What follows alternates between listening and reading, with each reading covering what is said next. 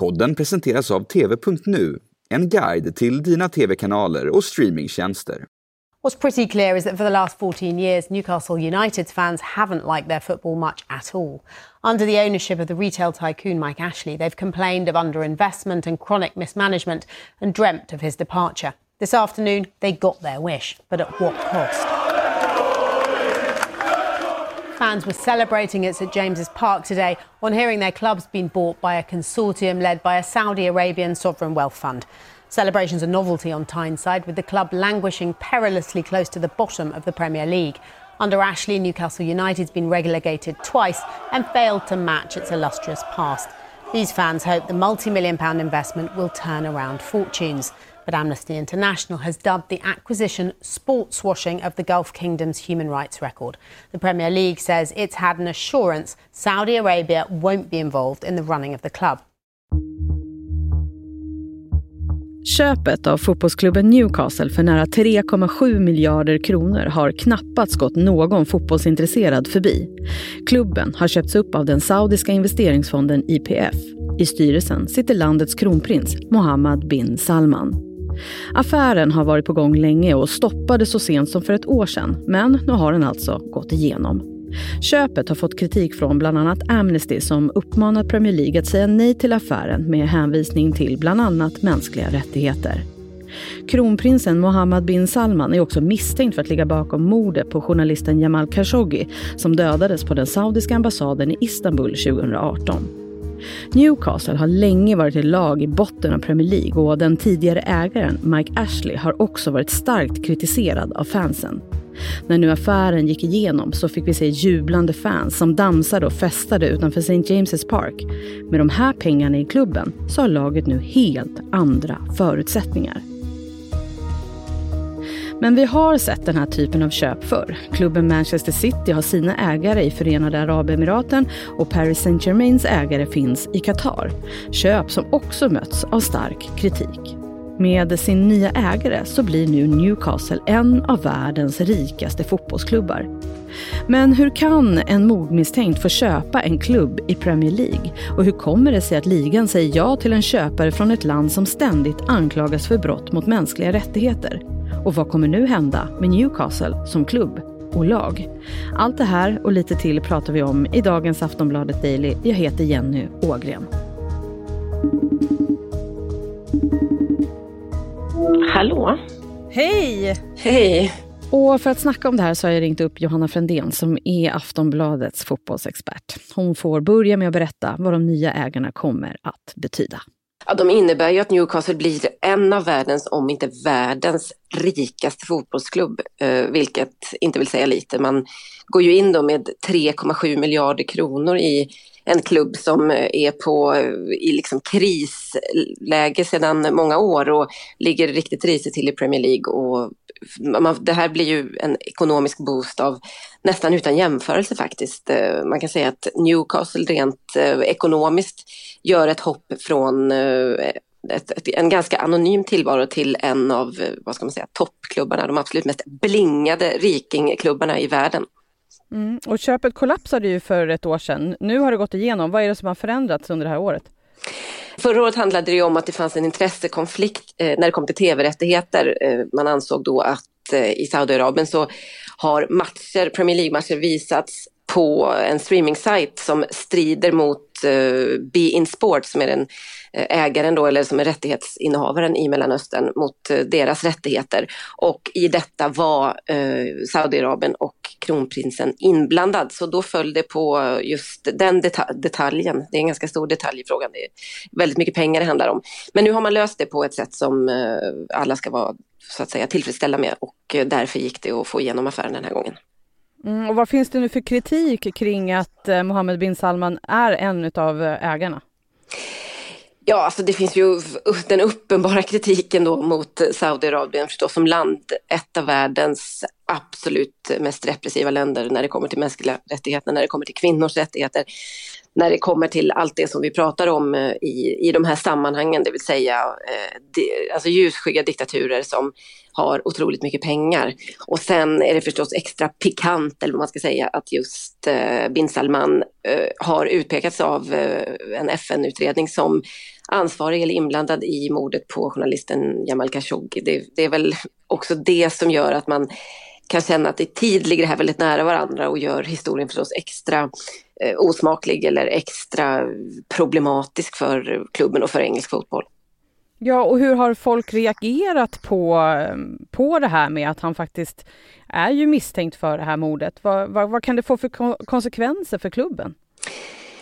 Alltså det är väl tveksamt om det får några konsekvenser, för vi, vi vet ju hur världsfotbollen ser ut nu. Det är väldigt många klubbar, jag menar i Premier League återfinns ju flera stycken, bland annat Manchester City då, som är en av de absolut, eh, absoluta toppklubbarna de senaste tio åren, som har eh, pengar i ryggen eller ägare i ryggen som kommer från eh, Förenade Arabemiraten är det då.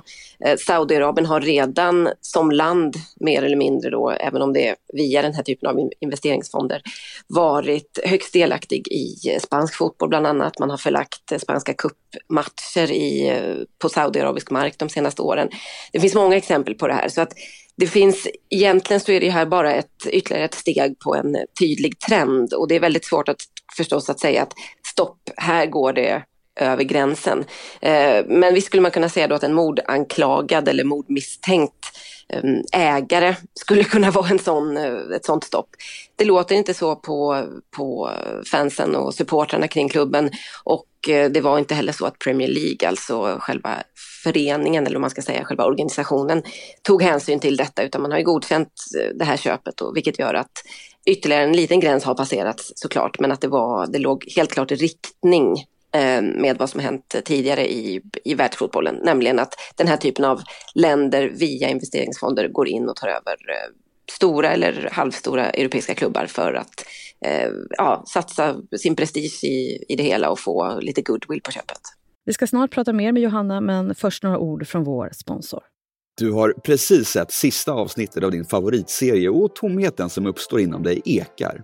Tänk om det funnits en datingtjänst för streaming som matchar dig med enbart relevanta förslag för dig och precis den typ som du är sugen på idag.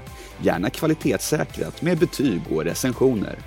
Med TV.nu smarta sökfunktioner och redaktionella tips och topplistor hjälper TV.nu dig att hitta heta nyheter och pärlor du missat. TV.nu matchar dig med din nästa seriekärlek. Så där, då fortsätter vi att snacka om fotbollsklubben Newcastle. Och vi ska fortsätta där vi slutade. Affären har fått mycket kritik, bland annat från Amnesty som menar att det handlar om just sportswashing. Alltså när till exempel ett land eller företag köper in sig i en idrott för att förbättra sitt rykte. Vi hör Johanna Frändén igen.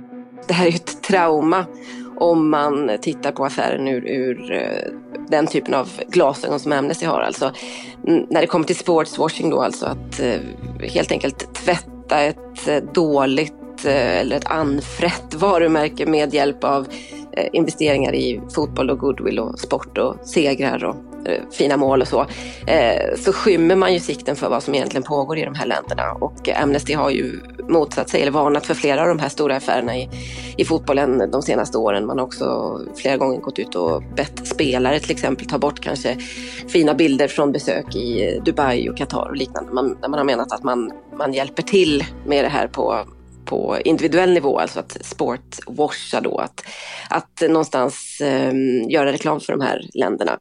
Eh, Amnesty sa, eh, sa till Premier League, säg nej till den här affären, den är inte, den är inte rimlig. Men eh, det lyssnade Premier League mycket lite på. För att det handlar om pengar helt enkelt?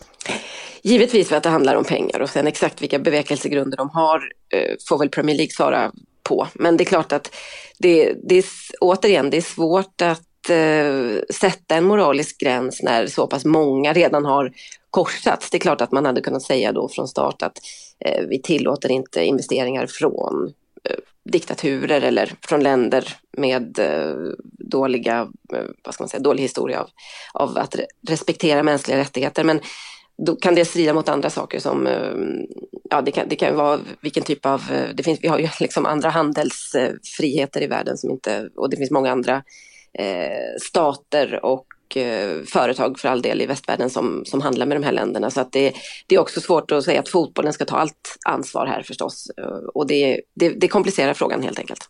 Ja, och nu sa du ju det att Premier League säger ja till det här. Vad, fin- vad kan det här innebära nu då för Premier League? Kan det bli fler av den här typen av investerare i ligan?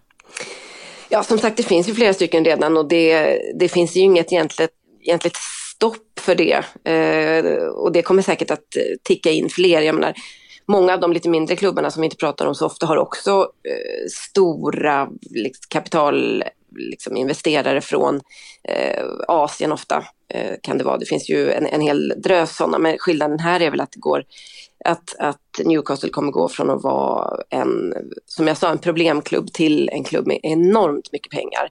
Eh, och man kan väl tänka sig att under en eh, tioårsperiod om, om det här ägarskapet håller i sig och, eh, och, och ja, saker går i en logisk riktning så kommer man vara en av de toppklubbarna i Premier League. Det är ju det logiska att tro inom tio års tid. Sen finns det ett, ett ekonomiskt ramverk inom fotbollen som ju heter eh, Financial Fair Play som också ska respekteras, vilket innebär att man måste hålla balans i böckerna som man säger. Man, alltså boksluten får inte vara för eh, negativa. Och det här måste ju också eh, klubbar som, som Newcastle förhålla sig till. Så det går ju inte att helt plötsligt investera ja, inte köpa spelare för 15 miljarder och eh, inte sälja någon till exempel. Och, och, utan det, det, finns, det finns ju ett eh, regelverk, ett ramverk där som gör att det ska ta, ja det ska inte gå helt enkelt konkurrera ut eh, de andra på över en natt.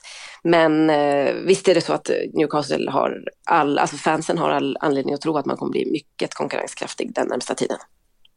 Sen har man ju pratat om att Saudiarabien inte ska ha någonting med själva laget och klubben att göra, men vad vet man om det egentligen? Nej, det är ju bara det man vet precis, att, då, att det var en farhåga och att det ska finnas ett eh, dokument eller ett, ja, ett avtal helt enkelt som, som styr just detta. Uh, och den, mer insyn än så tror jag inte vi får, utan man får ju bara utgå från att det kommer att uh, hållas på något sätt. Men det är klart att det är svårt att se utifrån hur eh, påtryckningar eller ja, den typen av eh, processer går till. Eh, det finns ju ingen anledning att tro att någon i Saudiarabien eller allra minst kanske kronprinsen bin Salman skulle ha någonting att tillföra rent sportsligt i den här klubben. Och det finns väl också goda exempel på klubbar där, där det faktiskt bara, man, de här länderna eller de här fonderna bara fungerar som som investerare och inte lägger sig i det övriga. Men eh, det finns ju också eh, ryska oligarker som har gått in i Premier League-klubbar och, och eh, styrt, framförallt när det kommer till tränare, att man har sparkat dem på löpande band och så. Så att det, vi får se, skulle jag säga. Det är varit glädjande att, att ett, ett lit, en liten liksom, positiv grej i hela soppan är väl att man har sagt i alla fall att det inte ska störa klubbens integritet som man brukar säga bilderna vi såg eh, från eh, Newcastle-arenan, St. James's Park, var ju helt... Det var lite sjukt, de firade något enormt den här, eh, det här köpet, gjorde ju fansen, för de har ju varit svältfödda på pengar i den klubben helt enkelt. På pengar och på framgång framförallt. Ja, precis. Ja. Och eh, inte minst den nuvarande eller ja, ägaren som har ägt fram till nu då, Mike Ashley, som har varit eh, extremt impopulär och framförallt för att han Eh, man upplever att han inte har investerat ordentligt eh, de senaste åren i klubben eller överhuvudtaget. Så att eh, jag tror att Newcastle supporter hade nog tagit vad som helst, som, vem som helst som hade ersatt eller köpt ut Mike Ashley. Nu blev det ju pengar som man kanske inte ens hade kunnat föreställa sig och då, då är det svårt som fotbollssupporter att sätta ner den moraliska foten. Det har vi sett många gånger. Det är svårt att ha några synpunkter då när man ser att dels någonstans alla andra gör samma sak. Eh, det är lätt att argumentera för det. Även om det inte kanske har varit den här riktiga typen av eh, stater tidigare så vet vi att Qatar och Förenade Arabemiraten och så vidare har varit är inne i flera andra stora Premier League-klubbar. Det är klart att Newcastle supportrar till stor del är glada över det här och det, det förstår man så som spelplanen ser ut. Johanna, vad tror du att vi kommer få se kring Newcastle de närmaste åren? Ja, om, om det håller i sig och om den här investeringen blir stabil och eh, så, så det, finns det alla skäl att tro att det kommer bli en liknande utveckling som man har sett i klubbar som eh, Chelsea för en 10, 15, 20 år sedan kanske det är nästan nu. Eh, Manchester City några år senare som har alltså tagits över av extremt kapitalstarka eh, investeringsbolag eller ägare och eh, med hjälp av detta eh, byggt eh, framgång på, ja, på sikt snarare än direkt. Då, för att det, det, det, tar alltid fotboll, fotboll spelas av människor, det går inte att, att komma ifrån det. Så att det, det, det är ett, eh, de, har, de har ett långt projekt framför sig för att få liksom allt på plats. Men det är klart att om det finns den här typen av pengar och den här typen av framtidsutsikter så kommer det bli lätt att locka spelare till klubben och det ska vi inte glömma. Det är ju en stor del i det hela. Eh, skriva på för Newcastle och få en lön som, man, som ingen annan kommer kunna erbjuda. Eh, det kommer vara otroligt lockande för många toppspelare i, i världen vad det lider så att eh, det kommer säkert sportsligt att eh, falla väl ut. Vi hörde Johanna Frändén i dagens Aftonbladet Daily. Jag heter Jenny Ågren. Du kan läsa mer om affären på sportbladet.se och du kan även lyssna på det senaste avsnittet av vår Premier League-podd som du självklart hittar där poddar finns. Vi hörs snart igen. Hej då! Du har lyssnat på en podcast från Aftonbladet. Ansvarig utgivare är Lena K Samuelsson.